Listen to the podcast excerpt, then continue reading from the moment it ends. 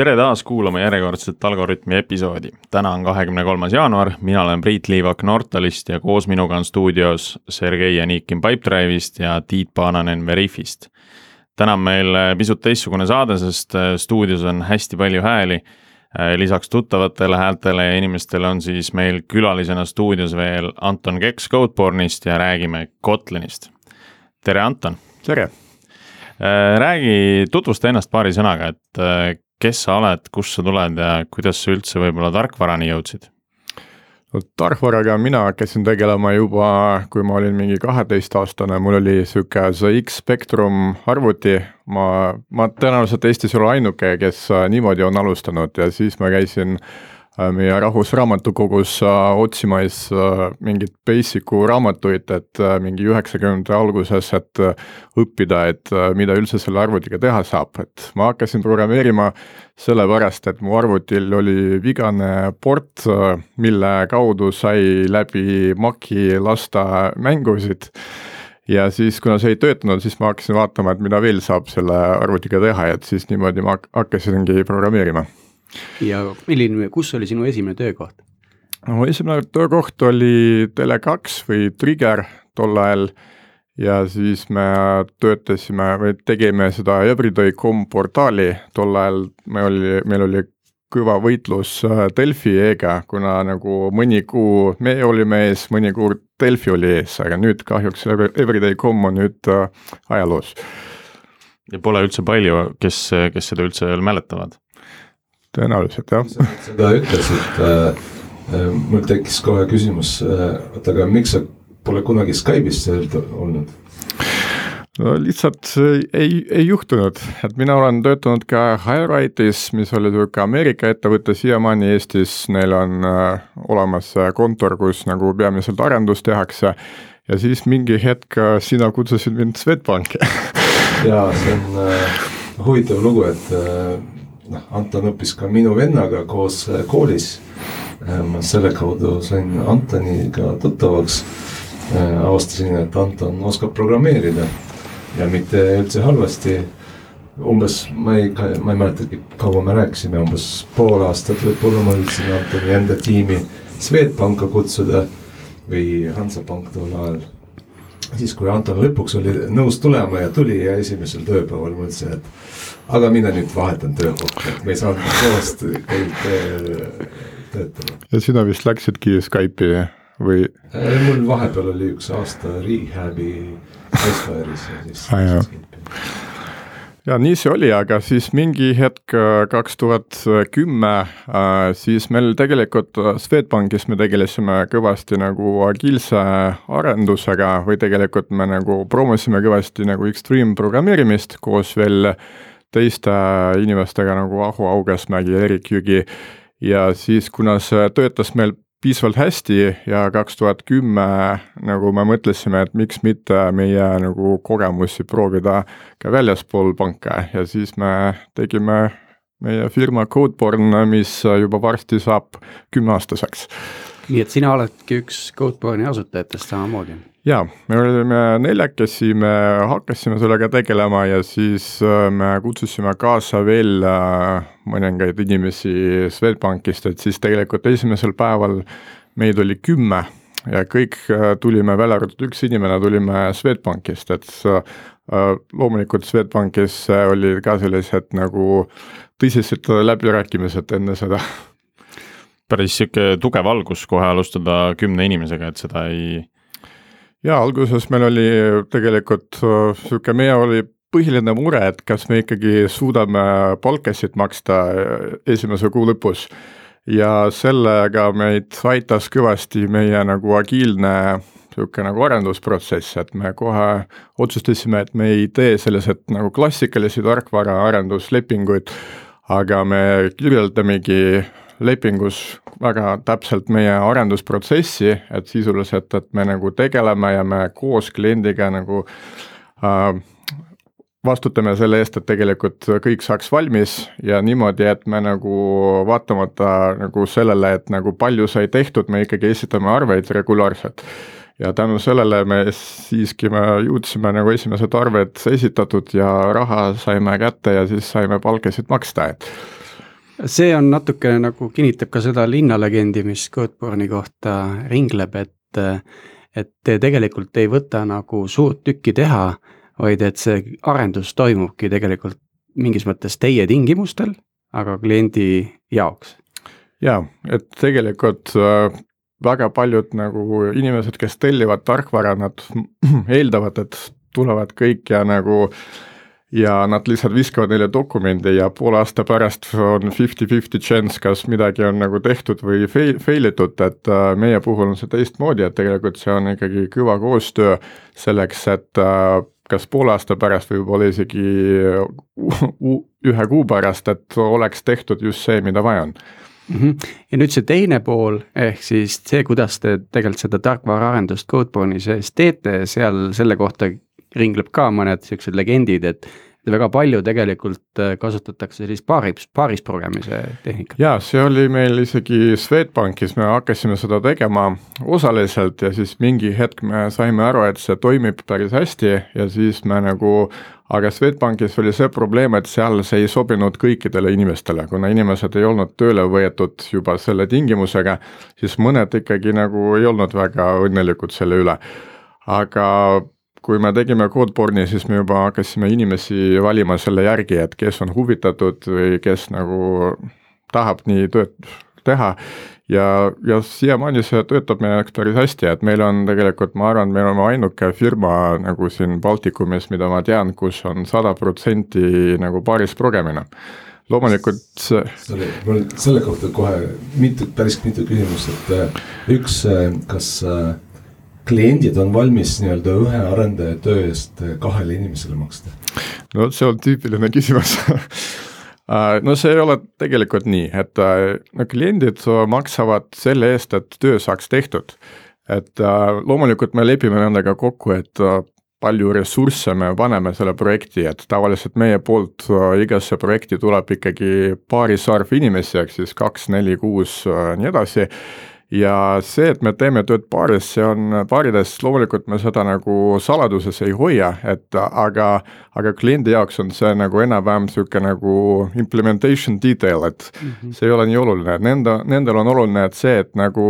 iga päev sisuliselt nad näevad progressi ja, ja meie nagu enda poolt me oleme kindel, et paarides tehes tegelikult seda progressi on rohkem, kui kaks inimest panna eraldi progema kui sina siin istud meiega rääkides, mida sinu paariline teeb? tema praegu teeb, mida me leppisime kokku enne minu lahkumist. Ja siis, kui me, ma tulen tagasi, siis me vaatame üle, et loomulikult äh, on, juhtub ka seda, et sa ikkagi mõnikord teed tööd üksi, siis kui su paariline haige on kõige lihtsam, siis puhkusel, siis võib-olla ja needsamad asjad, et kellelgi on vaja kuskil ära käia. Äh, see on ka tegelikult kasulik aeg, et nagu ka üksi midagi proovida ja teha. Ja siis, aga meil on see tingimus, et kui paariline tuleb, siis tehakse tegelikult code review, sisuliselt paariline, paari, paaris programmeerimine on niisugune nagu ekstremaalne code review, mis äh, toimub nagu kogu aeg. nii et põhimõtteliselt see võiks sobida kõikidele arendajatele, kui nad on harjunud code review'ga, nad peavad lihtsalt arvestama, et see toimub nagu laivis jaa, ja see on palju mõnusam, palju fun im, et tegelikult sa suhtled väga palju oma paarilisega, et sa nagu, sa kohe valideerid oma mõtteid, et see tegelikult, mulle see väga meeldib, mina tunnen ennast väga üksikuna, kui ma kui ma pean üksi midagi tegema. Ja tegelikult ma olen soovitanud seda ka äh, ehitusinseneridele ja isegi juristidele ja isegi juristid ka rääkisid, et neil on sellest kasu, et nad mõnikord, kui on väga keeruline tekst, siis nad samamoodi nagu nelja silmaga seda kontrollivad üle ja kirjutavad koos, et see on täpselt, täpselt sama. Läheb väga hästi kokku selle teooriaga, mis analüüsib äh, tiimide efektiivsust, et kõige efektiivsem tiim on äh, kahene tiim. sellele järgneb ühene tiim ja siis on juba kolm-neli ja nii edasi, eks ju. noh, huvitav, et see ühene seal ja. kahese järel on, mitte et, et kahene, kolmene ja siis äkki ja. ühene või? no see ühene, mina väga ei usu selle ühese tiimi juttu, et tegelikult ma tean ise, et kui ma isegi, mina nagu pean ennast nagu väga heaks programmeerijaks, aga kui ma üksi teen, siis tavaliselt ma, see tulemus on parem, kui ma teen kellegagi koos ehk siis vastupidi, ka ja. koos tegemisel on tulemus parem, kui sa teed üksi. jah. oota, aga ma küsiks, järgmise küsimuse, mis võib-olla on juba sissejuhatav meie teemasse, et äh, kui me äh, küsisime Aho käest tegelikult, kes on teine co-founder, et äh, kes teie firmast saaks meile tulla Kotlinist rääkima, siis ta nimetas sind. et mis suhe, kuidas see suhe Kotliniga sinul tekkinud on? Meil tekkis nii, et äh, aastal kaks tuhat kuusteist äh, tuli meile üks äh, Jaapani projekt. Ja ta oli niisugune eriline projekt, kuna seal me pidime kirjutama nagu no teiste asjade asjadele lisaks äh, ka IntelliJ pluginad, mis äh, valideerib tegelikult jaapanikeelset äh, teksti. seal mingit grammatika, mingit nagu puhtuse, mingeid vigu otsib, et ta oli nagu loomulikult niisugune challenging, kuna tegemist oli jaapanikeelse tekstiga, seal on neil hästi mitu alfabeeti aga mis oli see huvitav pool, et kuna see pidi olema IntelliJ's integreeritud, siis me mõtlesime, et miks mitte proovida Kotlinist. kuna Kotlinist oli juba mitu aastat räägitud, kaks tuhat kümme on see alguse saanud ja siis ma olen mingitel konverentsidel ka näinud seda Andrei Breslavi, äh, kes on Kotlini niisugune isa ja, ja siis mulle tundus, et seal on nagu huvitavaid asju küll ja siis mõtlesime, et kuna see on IntelliJ projekt, äh, plugin, siis mit, mit, miks mitte Kotlinis seda proovida. Ja siis seda me tegimegi. ja siis äh, see keel hakkas meeldima, siis äh, muidugi umbes kuu, kuu aja pärast tuli välja see Kotlini üks null esimene versioon kus oli mingid breaking changes, siis me, me oma nagu beta versiooni kasutades pidime natuke koodi muutma, aga ei ole palju. ma just mõtlesin, et see oli nagu sihuke positiivne, et tuli üks väl-, üks null välja ja siis te saite seda kõikides projektides kasutada, aga see oli pigem hoopis selline challenge, eks ole ja see oli alguses oli challenge muidugi ja, ja tegelikult äh, pärast rääkides juba selle Kotlini arendustiimiga, siis nemad ka ütlesid, et see üks-null reliis, ta ei olnud, ta ei tähendanud seda, et kõik on valmis, ta pigem tähendas seda, et palun kasutage seda rohkem, et, et saada nagu seda feedback'i. Aga seal selliseid nagu suuri probleeme ei olnud, alguses IDE support, äh, seal olid mõned nüansid ja debugger support IntelliJ's, aga pärast ma nagu jälgisin, kuidas see tasapisi läks paremaks ja paremaks iga kuuga sa tunned siis neid inimesi, kes tegelikult arendavad seda? jaa, tänapäeval ma tunnen neid juba päris hästi, kuna ma olen hästi palju Kotlinis ka konverentsidel rääkinud ja isegi ma olen käinud kõikidel Kotlin Conf konverentsidel, et viimati see oli äh, Kopenhaagenis äh, möödunud kuu. et ja seal ma nagu juhtus niimoodi, et ma, kui ma hakkasin nagu Kotlinis progema, siis ma mõtlesin, et nagu mõned asjad ikka tulevad ette, mis ei ole nagu päris selged, siis ma mõtlesin, et on olemas sellised väga ägedad mingid Java puzzlers, äh, mingid äh, ettekanded, et miks mitte hakata Kotlin puzzlers äh, koguma. Ja siis seda ma hakkasingi tegema, alguses ma panin nagu enda mingeid asju, et kui keegi ei tea, mis asi on puzzler, siis see on sisuliselt niisugune hästi lühike nagu koodijupp, mis alguses, kui sa loed seda, siis ei ole nagu väga nagu arusaadav, mida ta teeb. või, või nagu tundub, et ta teeks midagi muud, kui mida ta, võrreldes sellega, mida ta tegelikult teeb. ja, ja ma hakkasin nagu GitHubis neid koguma ja siis, kui tuli esimene Kotlin Conf, siis ma panin sinna seda nagu ettekannet ja siis nüüd lõpuks äh, minu need Kotlin Puzzlers ettekanned, nad on tavaliselt juba nad traditsiooniliselt nagu äh, seda nagu Kotlin Confi lõpetatakse minu ettekandega ja siis näiteks saalis on kuskil poolteist tuhat inimest, kes äh, koos minuga lahendavad neid puzzlereid ja nüüd on hästi palju inimesi, kes äh, mulle submit ivad need uusi, et äh, minu meelest nagu Kotlinil üldse tegelikult ma ütleks, et väga mõnus community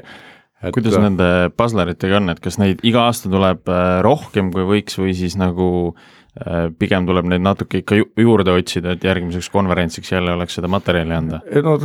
hetkel on materjali piisavalt, et tegelikult ma ise neid li-, liiga palju ei leia.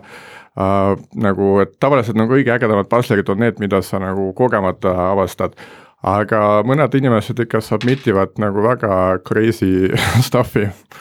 ja mida see Kotlini tiim, arendustiim nendega teeb, kas nad üritavad neid kuidagi ära lahendada, ära lihtsustada või, või nad teatavad nii nagu on, et las no, Anton räägib nüüd igal pool? No see on äh, nii ja naa, ikkagi nad, muidugi nad vaatavad neid hoolikalt ja siis nad isegi kasutasid, nad tegid oma ka mingit äh, sihukest nagu challenge'i Kotlini jaoks, kus nad kasutasid minu puzzlereid äh,, mõned neist aga nagu üldiselt, kui mingi puzzler on nagu pigem nagu bugi, siis nad loomulikult äh, seda paluvad registreerida tracker'is, et saaks seda parandada. Aga väga paljud nendest tegelikult nad ei ole bugid ja siis meil on Kotlin Confiliga on olnud nagu pikad diskussioonid nendega, et et ikkagi, mis see on, miks see nii on ja kuidas seda võib-olla saaks parandada või ei saa, et väga paljudel puzzleritel tegelikult lihtsat lahendust ei ole, aga võib-olla on võimalik panna IntelliJ'sse mingit inspection'i, mis sulle hakkab midagi nagu kahtlast mingi kollasega näitama, et tavaliselt see on lahendus. et selline recommendation põhine Äh, lahendus siis, et, et mis, mis nagu hoiatab, et äh, ole ettevaatlik, kui sa nii teed, et äh, siis kontrolli üle, et see ka nii töötab, nagu sa tahaksid. just. aga nüüd ma hüppan natukene edasi ja võikski kohe rääkida sellest, et kas IntelliJ on kõige parem idee Kotlini arenduseks või kuidas teiste toetusega? no Kotlini arenduseks nagu ma arvan, seal ei olegi küsimust mm, -hmm. isegi Java arenduseks ka uh, aga no Kotlini tegelikult esialgne mõte oli huvitav, kuna seda teebki see JetBrains, mis on nagu tooling'u nagu firma, siis tegelikult nende esialgne idee oligi selles, et nad teevad nagu seda paralleelset kompilaatorit ja IDE nagu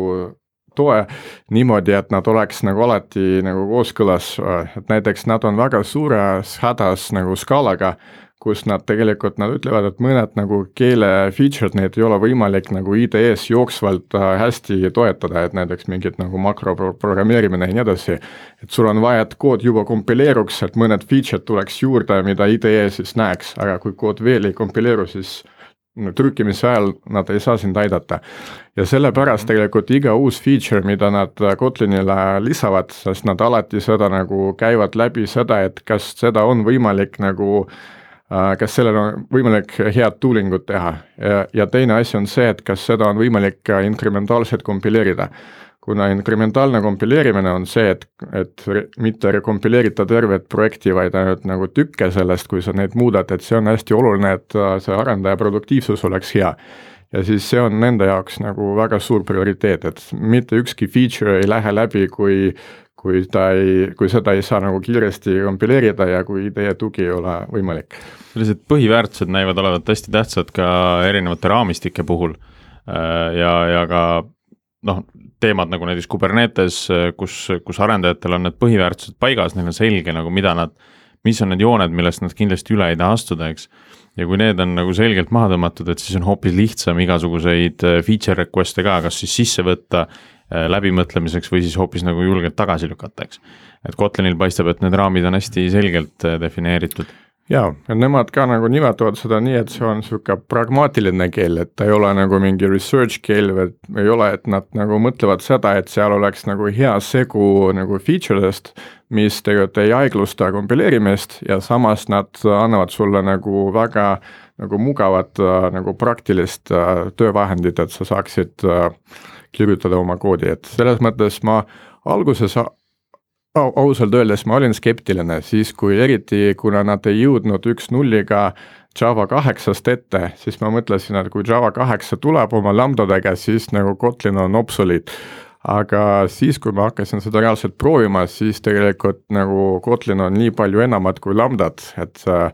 seal on äh, väga palju need features'id nagu extension meetodid ja mingid sealed classes ja mis su lemmik, lemmik Kotlini feature on? no sisuliselt ongi, ma arvan, need extension uh, function'id või meetodid uh,, mis on ka C-Sharpis olemas muidugi, et Kotlin ka ei olnud niisugune nagu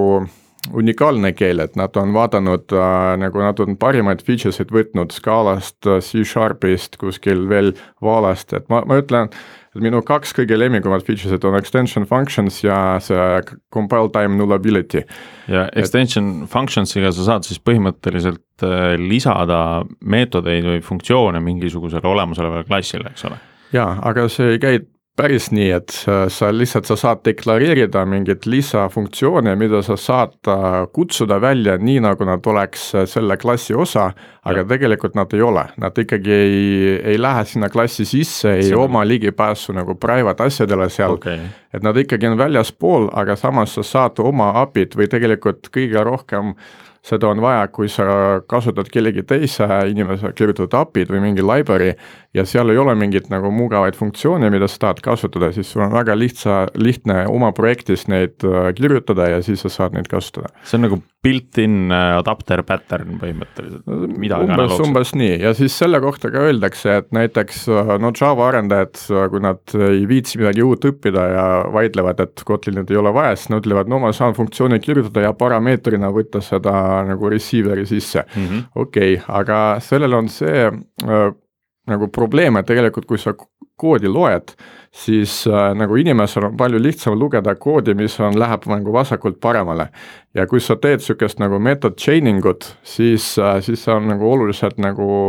lihtsam lugeda lihtsalt mm. -hmm. ja kui sa paned seda nagu üksteise sisse, need funktsioonid, siis, siis seda peab tagurpidi lugema ja Javas tavaliselt sul ongi nii, et sa loed mingit üks rida, sa loed nagu osa sellest, loed tagurpidi ja osa sellest loed nagu õiget pidi. et Kotlinis sa saad teha nii, et sul nagu kõik oleks palju lakoonilisem, et kõik oleks nagu ühtepidi. kas see oligi, äh, see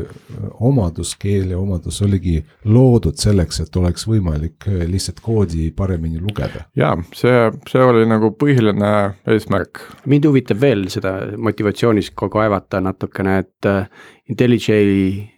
tegelikult lootis sellega ka oma tooling ut paremini müüa, eks ju? jaa, no tegelikult ma rääkisin selle JetBrainsi CEO-ga nagu Maxiga, et tema ütles, et ja alguses see oli tema idee ja siis ta, see Andrei Breslov, ta oli tegelikult kuskil ülikoolis, ta nagu tegeles selle nagu keeltega ja teda nagu võeti tööle et selle Kotliniga hakata tegelema. aga muidu see idee oli selline, et äh, JetBrains oli tegelikult hädas selle oma suure Java codebase'iga ja tahtsid midagi paremat enda jaoks. kuna siis ei olnud ka Java kaheksat muidugi ja siis nad äh, hakkasid enda jaoks äh, kõigepealt seda keelt tegema ja siis, kui see nagu hakkas juba nagu huvitavaks minema, siis nad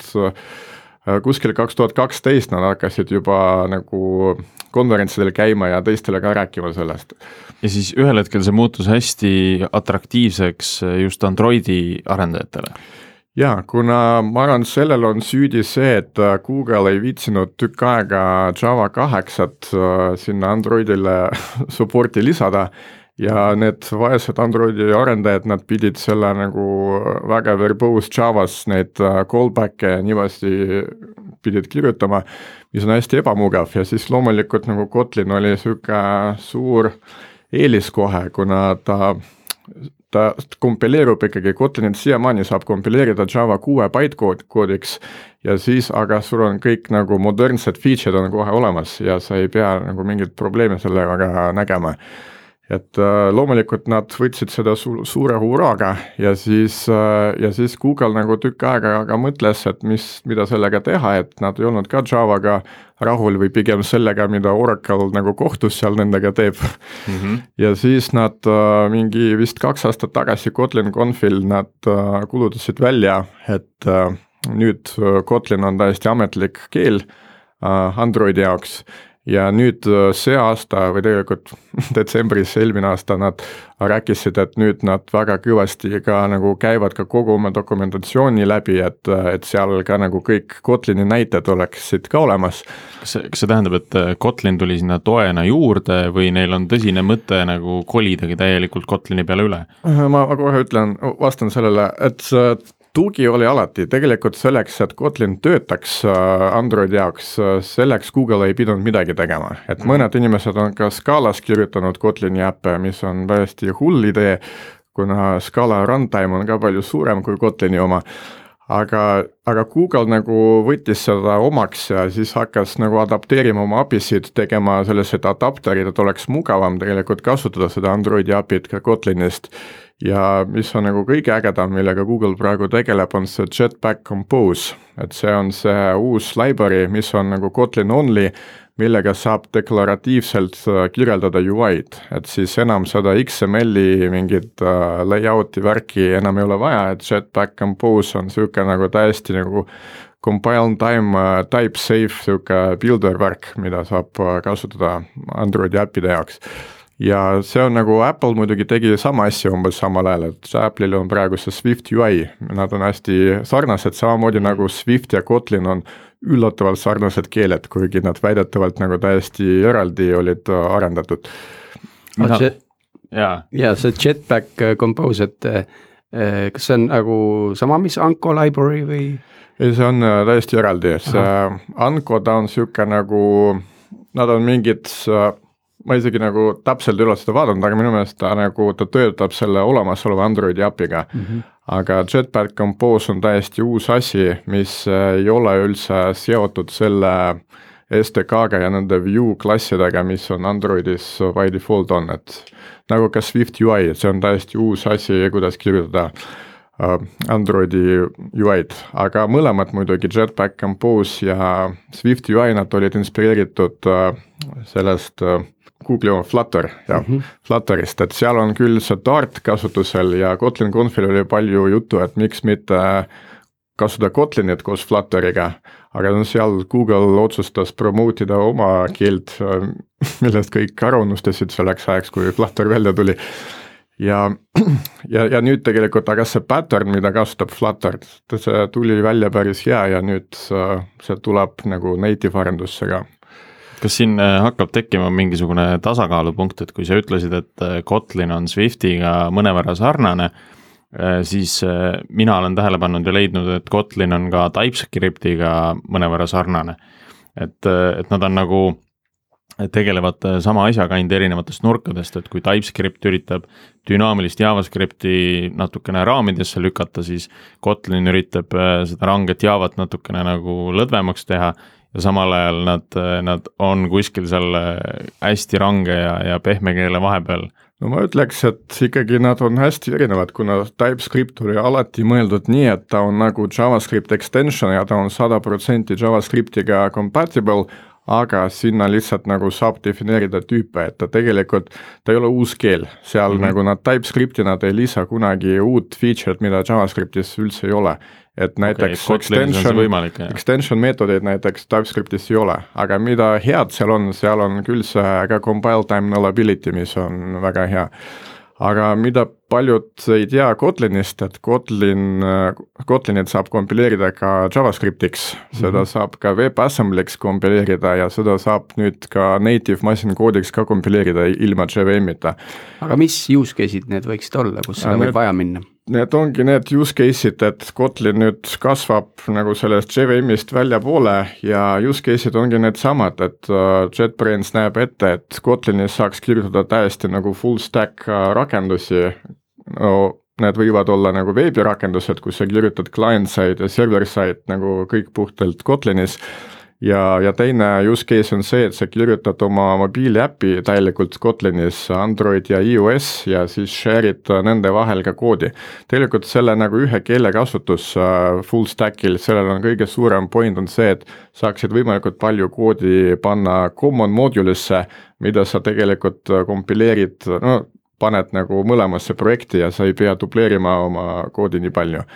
ja tänapäeval neil on ka hästi palju juba näiteid äh, mingi iOS äppidest, äh, mis on ka Kotlinis kirjutatud. see kõlab nagu world domination kas Windowsi alla mõned nii-öelda desktop rakendused saaks ka Kotliniga teha? Uh, native uh, kindlasti saab uh,, Kotlin native'is saab kasutada Windows API-d, et see nagu ei ole probleem seda teha tänapäeval desktop rakendusi saab ka Javaga teha, et seal on see Java FX-i jaoks on olemas väga hea nagu niisugune Kotlini extension Tornado FX, mis on tegelikult samamoodi, kasutab seda Kotlini seda builder pattern'i äh, selleks, et UI-d defineerida, et see on ka üks variant nagu desktop rakendusi kirjutada. siin hakkab üha rohkem tunduma, et ei ole nagu mingeid põhjuseid, miks äh, Kotlinit ei peaks kasutama, et, et on alati nagu äh, võiks olla selline default valik ükskõik millise rakenduse jaoks, äh, mida ehitada on vaja, mida vaja kokku panna. kas on üldse mingeid põhjuseid, mingeid argumente, mingeid situatsioone, kus Kotlin võib-olla pole kõige sobivam keel, mida kasutada? ma isegi ei tea, kui kas kõik äh, teie firma uued projektid kirjutatakse Kotlinis? Ei ole kahjuks nii, et selles mõttes on ikka veel inimesi, kes, kellel on mugavam kasutada midagi muud. Ja meil projektid on täiesti nagu erinevates keeltes, meil, meil firmas on iga tiim, kui ta alustab uut projekti, siis nad ise otsustavad, et mis tehnoloogiat nad kasutavad. Et äh, meil on praegu käivad projektid ka Pythonis, meil on olnud ka Ruby Railsid ja mitte Railsid ja siis meil on no, loomulikult meil on palju Javat ja siis Kotlin on ainult üks nendest, et ma arvan, meil on mingid noh, mingi kolmandik projekte võib-olla on Kotlinis. kas äh, noh, isegi võib-olla mitte ametlik statistika, vaid natuke nii-öelda anecdotal evidence, äh, millise, milline tehnoloogia on kõige produktiivsem? Jah, minu jaoks on Kotlin päris produktiivne, et selles mõttes minu käest võib-olla ei ole mõtet küsida, kuna mina olen see inimene, kes nagu tänapäeval ma küll eelistan Kotlinit, kuna ma olen nagu. sa oled mõnevõrra biased. no selles et, mõttes, no ma võib-olla. kliendina ma tean, et äh, minu, üks minu arendajatest on Anton Keks, siis minu projekt kirjutatakse Kotlinis äh, mitte ilmtingimata, kahjuks äh, üks projekt, millega ma praegu tegelen, on niisugune äh, Norra projekt, kus, äh, kus tegelikult tellija ütles, et nemad tahavad teha Javas, kuna seda koodi peavad maintain ima ka mingid seitsekümmend India inimest, kes nagu ei saa Javaga hakkama, et neil nagu mingit uut keelt ära õppida on veelgi keeruline. Et seal loomulikult on seal nagu mingi entry level on olemas, kui sa alustad sellega, aga minu meelest ta on hästi madal Kotlinit Javaks ei saa transleerida äh,? ei, ei saa, okei okay,, saab tegelikult kompileeritud Java bytecode'i saab peaaegu alati dekompileerida Javaks, aga probleem on selles, et see bytecode ei ole alati sada protsenti esitatav äh, Java koodina, kuna see bytecode on ikkagi niisugune virtuaalmasin ja Kotlini kompilaator mõnikord ta võib genereerida bytecode'i, mida siis Java kompilaator kunagi ei teeks. aga kui ma nüüd mõtlen äh, noore arendaja peale, kes on oma ülikooli teisel aastal ja hakkab vaikselt progema seal ja ilmselt ülikooli programm annab talle Java ja võib-olla Pythoni ja siis ta ise kõrvalt pusib JavaScripti, et äh, kas tema peaks juba täna hakkama mõtlema Kotlini peale või kas see, kas tal on seda Java tausta ennem alla vaja? Ei ole kindlasti vaja, et seda, no kui sa kirjutad JVM-i jaoks oma koodi, siis sa võib-olla mõnikord tahad kasutada mingit Java nagu library't või mingit nagu JDK mingit API-t, siis sa võib-olla pead midagi teadma, kui sa tahad. Aga muidu Kotlinil on olemas hästi palju tänapäeval juba enda API-sid, mis on cross-platvorm, et mis töötaks ka nagu JavaScriptis ja native'is, mitte ainult JVM-i peal, et saab ka sellega hakkama. Ma isegi ütleks, et ülikoolides, mina olen nagu kuus aastat äh, Tallinna Tehnikaülikoolis õpetanud äh, seda Java programmeerimist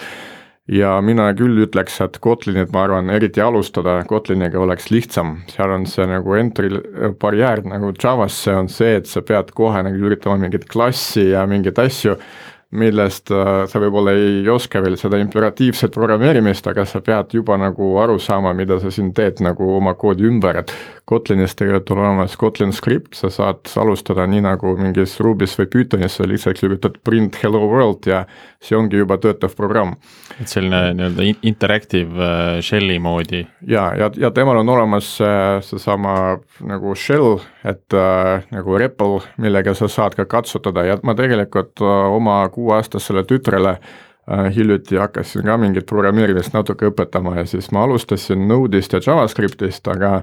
aga ruttu mulle see enam ei meeldinud, kuna seal need funktsioone ja nii edasi on nagu keerulisem kirjeldada, et ma läksin Kotlinile üle. ja täpselt samamoodi tema jaoks isegi peaaegu, et ei olnud vahet, et väga cool. et seda interactive shell'i siis saab nagu väikeste juppide katsetamiseks nagu nii-öelda unit testida manuaalselt. jah, just. et äh, sinu kuueaastane tütar õppis põhimõtteliselt Kotlini ära ja siis kuskil on punt arendajaid, kellele ei julgeta Kotlinit ette panna, sellepärast ta on, minu, minu tütar veel väga kaugel sellest, et et ta ära õpitud see oleks, aga sellised nagu basic asjad nagu muutuja funktsioon, et need, need asjad nagu, nagu üritab aru saada nendest. aga, aga nagu ma ütlen veel, et meil kus meil nagu alguses meil oli niisugune clash, et miks mitte Kotlinit kuskile panna suurde projekti, näiteks väga suur selling point Kotlinil on see, et ta on nagu, seal on väga hea interoperability Javaga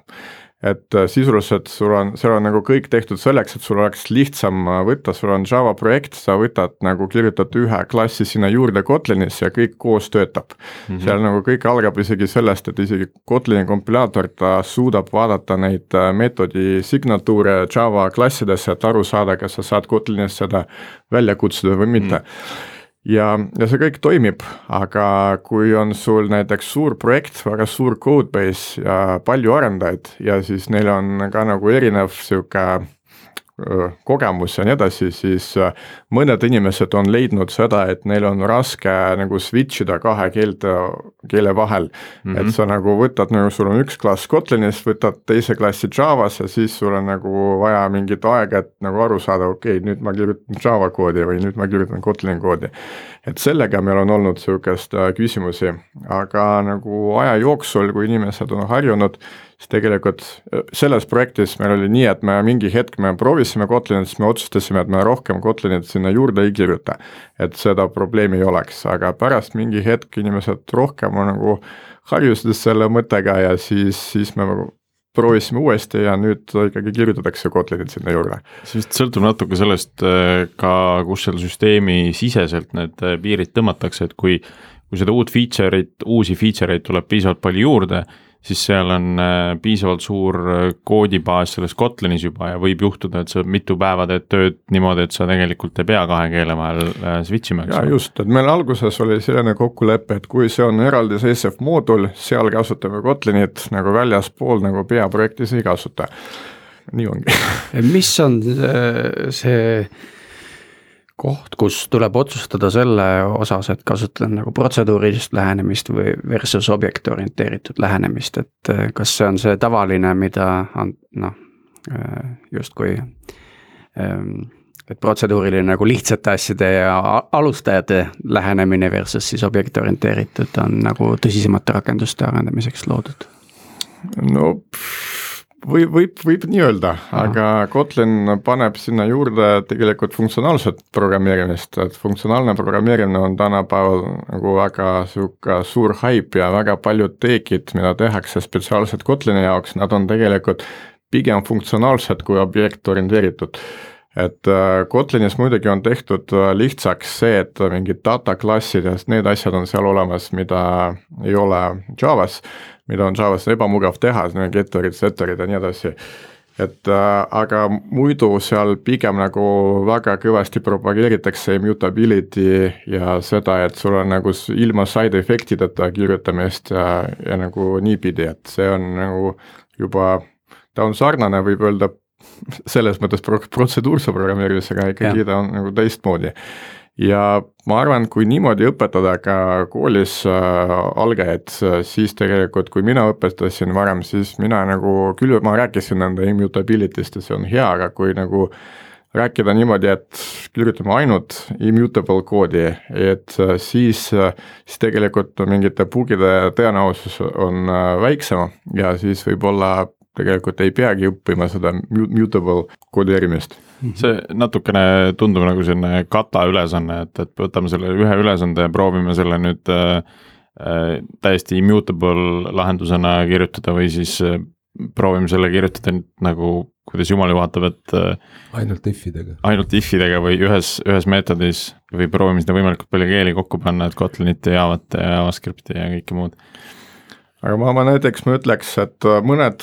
levinud teegid, mis on äh, hästi halvad, selles mõttes nad töötavad nagu by default nagu mutable state'iga, on nagu näiteks Hibernate, seda küll saab Kotlinist kasutada, aga ma Kotlinis pigem seda ei kasutaks, seal nagu ta ikkagi tundub juba võõras, kui sa äh, kui sa mitte oled algaja, kui sa oled algaja, siis sa hakkad Kotlinis kirjutama nagu Java koodi, aga Kotlini mm -hmm. süntaksiga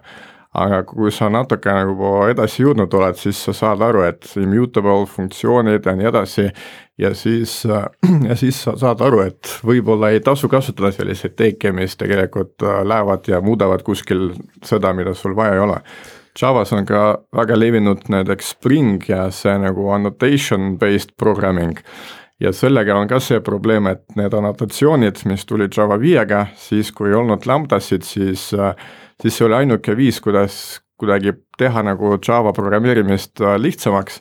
Ja siis neid tehti ja nii, et sa paned annotatsiooni, sa lo-, loodad, et see annotatsioon nagu muudab su koodi käitumist, aga sul ei ole mingit kindlust selles, sa ei saa isegi seda normaalselt unit testida ja sellel minu meelest on Springil väga suur probleem, et kui sa Kotlinit kasutad, siis sa ei pea üldse mingit maagiat kuskile juurde panema, su keel on juba äh, piisavalt nagu paindlik ja hea, et sul on väga lihtne panna juurde mingeid asju, mis nagu juba koodi sees on olemas, mida ei pea bytecode manipulation'iga sinna juurde lisama. ma tahtsin küsida, sa mainisid, et sul on kaks äh, äh featuuri, mis sulle meeldivad kõige rohkem ja ühest me rääkisime, extension functions, aga mis see teine on? Uh,? mida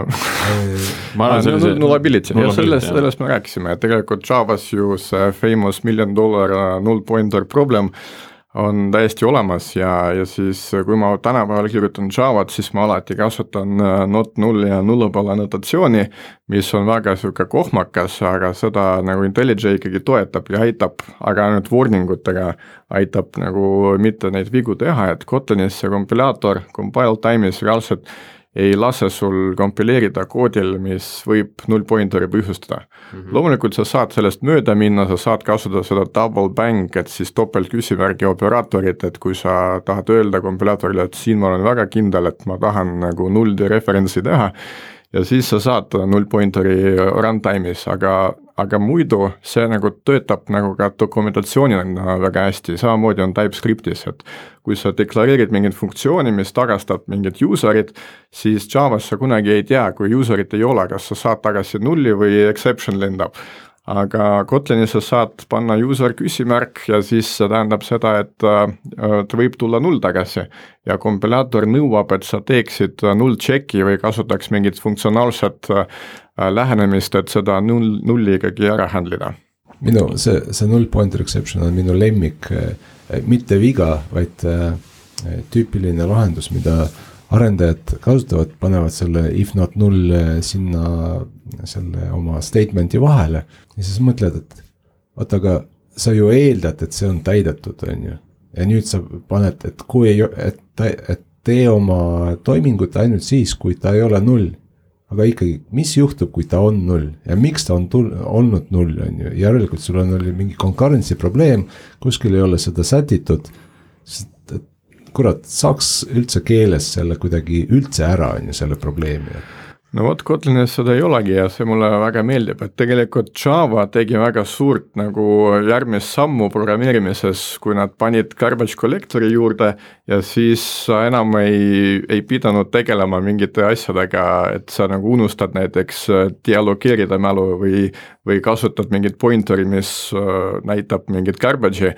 et Javas seda probleemi ei ole, aga Java tuli ikkagi, nad jätsid sinna sisse seda nulli probleemi, mis samamoodi on niisugune hästi unpredictable, eriti kui tegeled concurrency'ga. et siis Kotlinis on sellega oluliselt parem, et äh, kui sa isegi kirjutad äh, liigse null check'i, siis IDEA sulle kohe näitab seda jälle warning una, et sul ei ole seda vaja siin. ma hüppaks korra sinna tehnoloogiate juurde tagasi, et, et kui ka, ka meie käest on varem küsitud, et milline võiks siis olla eh, selline technical stack ühe värske projekti jaoks. kui nüüd ongi tiimil plaan võtta Kotlin, eh, siis mis raamistikud, mis asjad seal ümber peaks olema, noh, persistency teema, eh, web frameworks,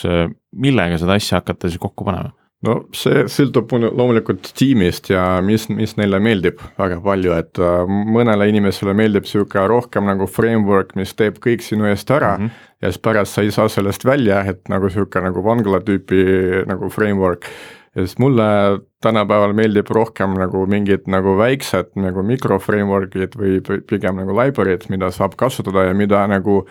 igaühte nendest saab äh, välja vahetada, kui enam ei meeldi või midagi sellega juhtub, et, äh, et nad kõik on nagu piisavalt lihtsad. et sellepärast, et mina ei valiks seda suurt, et JetBrains ise pakub niisugust suurt framework'i, mis on, mil-, selle nimi on Ktor. Ta ongi nagu full featured niisugune äh, framework, ta nagu teebki seda client-side ja server-side sinu eest ja saad isegi HTML-i nagu Kotlini koodi sees kirjutada Kotlini builder itega minu jaoks on natuke too much. Äh, minu, mulle meeldib HTML-i kirjutada HTML-ina näiteks mm, -hmm. et äh, siis on palju lihtsam nagu ka disaineri abi nagu kaasata ja nii edasi. et ja siis sellepärast ma valin mingit micro framework'i, et näiteks just nagu eelmine nädal me alustasime ühe töötajaga uue uut projekti ja siis me tegelikult loomulikult seda nüüd kirjutame Kotlinis ja me valisime Jubi on sihuke nagu web framework, sihuke mikro framework, äh, mis on sihuke nagu Spark Java sarnane, ta on nagu alguses nagu at its core sihuke hästi lihtne, et lihtsalt ta teeb sulle routing ut ja siis sa ise implementeerid kõik ülejäänud sinna. kui sa tahad seal nagu andmebaasiga rääkida, siis pane ise seda juurde, et nagu ükskõik, mida sa tahad sinna, et näiteks äh, Kotlinis samamoodi on olemas mingi exposed on sihuke ORM framework, äh, mis on Kotlini spetsiifiline, on olemas ka mõned nagu lisaks Hibernate'ile ka Java framework'id, et neid kõiki saab ka kasutada mm. -hmm. aga mina tänapäeval eelistan puhast JDBC Kotlin extension function itega, et tegelikult äh, minu meelest SQL-i ka võiks kirjutada nagu SQL-ina, siis sul, siis sa ei pea võitlema selle oma framework'iga, mis üritab seda transleerida sinu jaoks, et ja siis saab nagu, kui sul on vaja niisugust nagu kõva performance optimization'i, siis seda saab ka teha.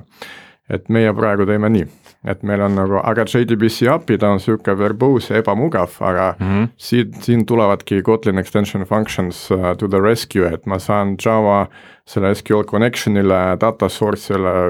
result set'ile saan nagu extension funktsioone ah, juurde teha. helpereid juurde pookida. siis ta muutub väga mugavaks uh, meie jaoks.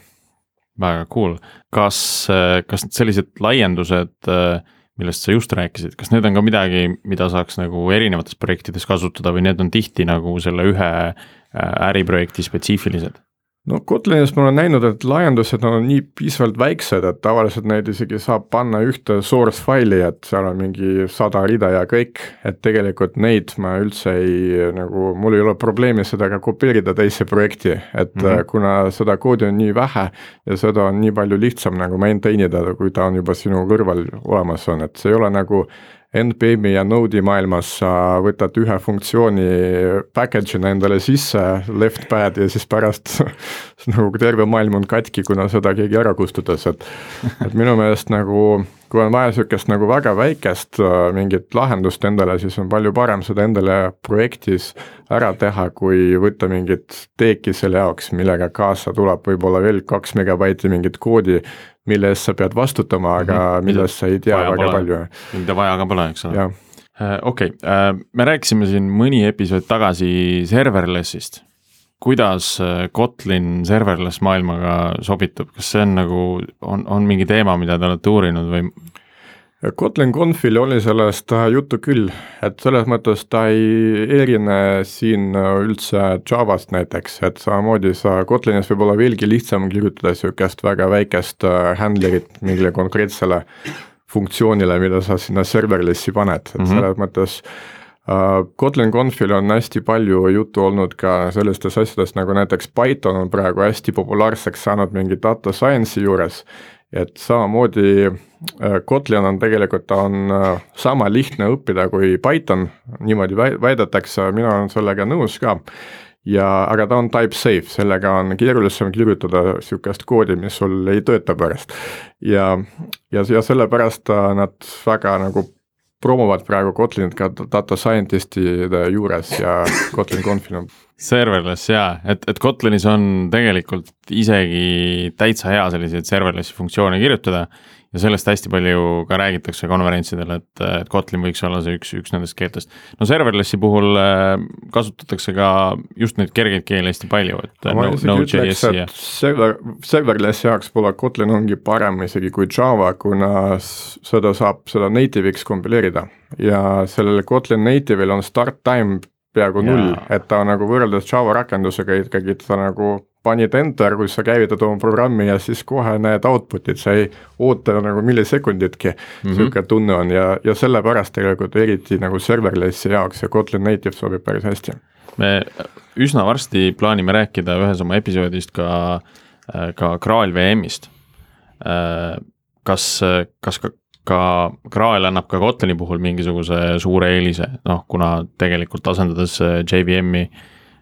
ja väidetavalt olles siis kiirem äh, virtual machine kui, kui tavapärane JVM, kui teised. No kuna Kotlin lõpuks, kui ta on JVM-i peal, siis seda kompileeritakse Java bytecode'iks ja tegelikult isegi need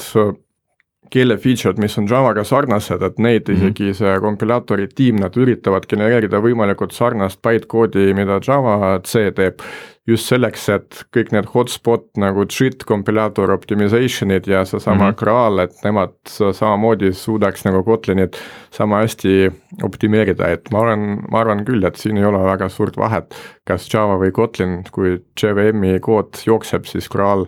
suudab seda mõnikord kiiremaks teha et see on ka huvitav selline põhimõte, et nad ei ole võtnud eesmärgiks äh, genereerida midagi paremat, vaid võimalikult sarnast just, et olla siis äh, nii-öelda compatible nende, nende kogu selle ülejäänud maailmaga, mis selle, selle ümber käib.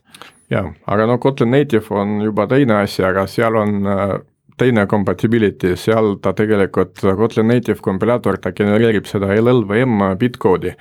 samamoodi, et ära kasutada seda LLVM back-end'i, mis suudab juba sellest Bitcoin'ist äh, erinevate protsessorite jaoks äh, äh, native koodi ka genereerida, et seda nad ei pidanud ka uuesti tegema. väga cool. tekkis sihuke küsimus, et kui suur see Kotlini arendustiim on tegelikult? umbes nad räägivad, et mingi viiskümmend inimest tänapäeval, et ja, siis nagu Jet, JetBrainsi poolt, see on üsna suur äh, äh, ikkagi panus jah aga nad, äh, kui ma olen küsinud nende käest, et miks nad seda teevad, et see ei ole nagu ainult altruistlik, et nemad ikkagi usuvad, et äh, läbi Kotlini nad saavad nagu tõsta veel huvi veelgi kõvemaks nagu enda toodete vastu. et inimesed kasutaks neid rohkem. et kaudselt ta on neile kasulik, aga nad ise kasutavad ka Kotlinit, et äh, sellest nad saavad ka kasu huvitav, et Google toetab seda, neil on endal on näiteks Go lang, mida nad ise on arendanud on nad, selles mõttes nad on kindlasti erinevad, aga ma mõtlen, miks, mis see Google'i huvi siis no, no Google tegelikult võttis Sun, äh, Kotlinit puhtalt Androidi jaoks, et äh, ei ole praegu mingit äh, tõestust, et Google kuskil mujal Kotlinit oleks kasutanud,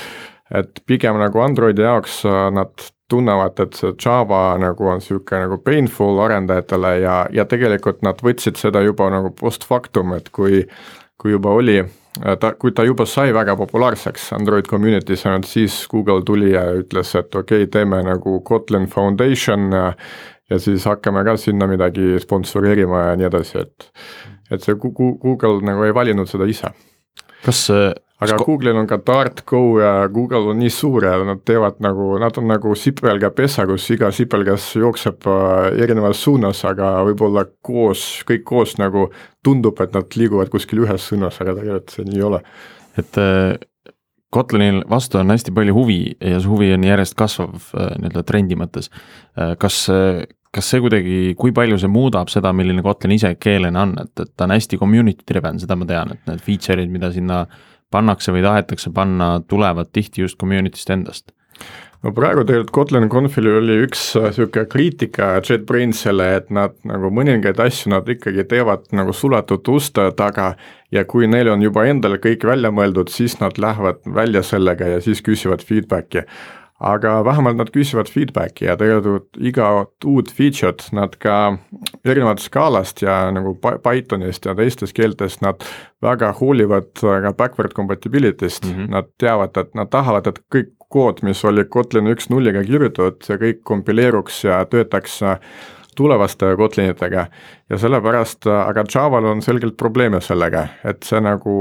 piirab seda arengut, et mida nemad teevad teistmoodi, on see, et nad äh, igat feature't, kui nad juurde teevad, siis nad teevad seda kõigepealt experimentaliks, nagu näiteks need co-rutiinid, mis on praegu niisugune killer feature Kotlinis mm, -hmm nad, ta oli tükk aega, mingi poolteist aastat oli experimental ja siis nad, äh, kui nad tegid final versiooni sellest, siis nad tegelikult muutsid API, kuna nad on õppinud selle juba kasutusest, et kuidas peab, mida, mida peab seal parandama. ja siis nagu tänu sellele ta nüüd võib-olla on parem API ja saab äh, kauem eksisteerida ilma probleemideta ja teine asi, mida nad on selleks teevad, et neil see IntelliJ ise või sa saad oma koodis nagu depre-, deprecate ida midagi, mitte ainult lihtsalt sõnumiga, et ärge kasutage. aga sa saad kirjutada nagu automaatse koodi conversion'i sinna juurde et, et oleks võimalik näiteks, kui tuleb uus versioon Kotlinist või uus versioon mingist teegist, siis saad öelda, et nagu convert kõik automatically mm. nagu ka, uueks API-ks ja kas see tähendab ka enda nagu sisemise koodi kohta saab sedasama asja ja, kasutada? just, et see nad tegid seda cool niimoodi, et mitte ainult nemad saavad seda feature'it kasutada, vaid tegelikult kõik ja see on väga hea et nad õppisid väga kõvasti Java vigadest, võib nii öelda. kui nüüd Java vigade juures olla, siis eelmisel aastal Java kasutamine teatud, teadupärast muutus subscription põhiseks. ehk siis äh, kui sa tahad seda, seda run'ida, sa pead subscribe ima ja muidu sa update ja patch'e ei saa enam, eks. no sa räägid Oracle ja, Javast jah? jah, jah, et, äh, et kas kuidagimoodi võiks nagu olla vesi Kotlini veskile siin tööd ei ole üldse ja isegi, et see kindlasti see uudis on tekitanud niisugust natuke damage'it neile, kes võib-olla ei teadnud väga hästi, mis asi see Java on ja kuidas ta töötab, aga äh, Java ise on, äh, OpenJDK on juba mingi aastast kaks tuhat seitse, ta on open source projekt, ta on GPL-i litsentsiga ja seda ei saagi nii lihtsalt nagu tagasi võtta, tegelikult ongi võima-, võimatu tänu sellele litsentsile, mida Sun veel äh, sinna pani et äh, OpenJDK open source projektina elab edasi, Oracle on siiamaani seal nagu top kolm nagu contributor sinna, aga ei ole ainult nemad sinna contribute ivad tänapäeval. Ja nemad teevad oma distribution'i sellest Oracle JDK näol, aga on tänapäeval hästi mitmed kes, kes teevad nagu seda adopt OpenJDK või, või Zulu või siis Liberica, nad kõik teevad oma distribution'id OpenJDK-st, mida saab tasuta kasutada täpselt samamoodi nagu varem. nii, me oleme, me oleme jõudnud siia, kus äh, sa oled Kotlini meile kõigile põhimõtteliselt maha müünud, mul on selline tunne, et me läheme nüüd äh,, läheme nüüd lahkuma siit stuudiost ja tõmbame mingid vajalikud jupid ja proovime selle asja endale püsti panna nagu esimene asi, ma pean ostma selle IntelliJ siis. siiamaani ma olin ikka Visual C või no, Visual Code'i mees. no ma arvan, Kotlin on seda väärt, et äh, saad hakkama küll. no sa kirjutad TypeScriptis siis või? no ma kirjutan seda, mis ette juhtub kas Visual Studio Code'il on ka äkki mingisugune Kotlini plugin olemas? midagi võib-olla on, aga tõenäoliselt mit-, mitte ametlik, et et äh, mida JetBrains teeb, nad tegelikult panustavad Eclipse'i pluginasse, et äh, ja mis on hea, et IntelliJ-d ei pea ostma, et äh, IntelliJ Community Edition, mis on tasuta, seal on nagu full-blown Kotlin support on sees okei okay,, ühesõnaga Kotlin on meile maha müüdud, meie hakkame kõik kasutama äh,. Anton, aitäh sulle tulemast, oli väga huvitav vestlus äh,, väga palju uut infot ja, ja põnevaid sise teadmisi Kotlini kohta sise ja isegi siseinfot. Nagu mul on üks küsimus veel Antonile küsi. et äh, mida sina tahaksid al-, tahaksid Algorütmist äh, kuulda tulevikus? raske küsimus, kuna ma ei ole kordagi kuulnud veel no, Algorütme. aga ütleme podcast'ist, mis on mõeldud tarkvaraarendajatele. võib-olla ma tahaks nagu rohkem just nagu kohalikke uudiseid kuulda, et äh, kuna nagu muidu inglisekeelset infot ja podcast'e on nii palju, siis just võib-olla oleks äge nagu ma ei tea, siis sinu enda nagu Veriffist kuulda, et mida te üldse teete ja kuidas teete ja mingid nagu mingitest riigiteenustest, mis juurde tulevad, ägedad, mida saaks ära kasutada, mingit nagu sellist asja, mis nagu rohkem Eestiga seotud. peame meeles, see on väga hea idee Äh, aga kõigile kuulajatele aitäh kuulamast ja järgmise nädalani